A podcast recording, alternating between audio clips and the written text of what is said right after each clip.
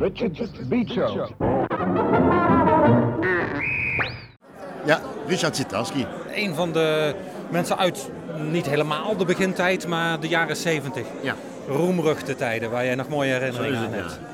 Als er het uh, meestal waar ik bekend voor was uh, bij Oomzee, dat was uh, Richard's Beach Show. Dat was dan zo zaterdags.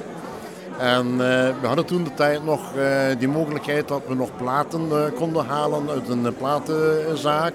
Dat was op de Gravenstraat in Geleen. En dan zijn ja, alle platen zo konden we uitlijnen van klassiek tot popmuziek.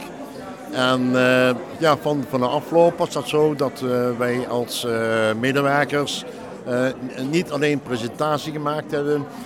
ten dele waren we in de techniek.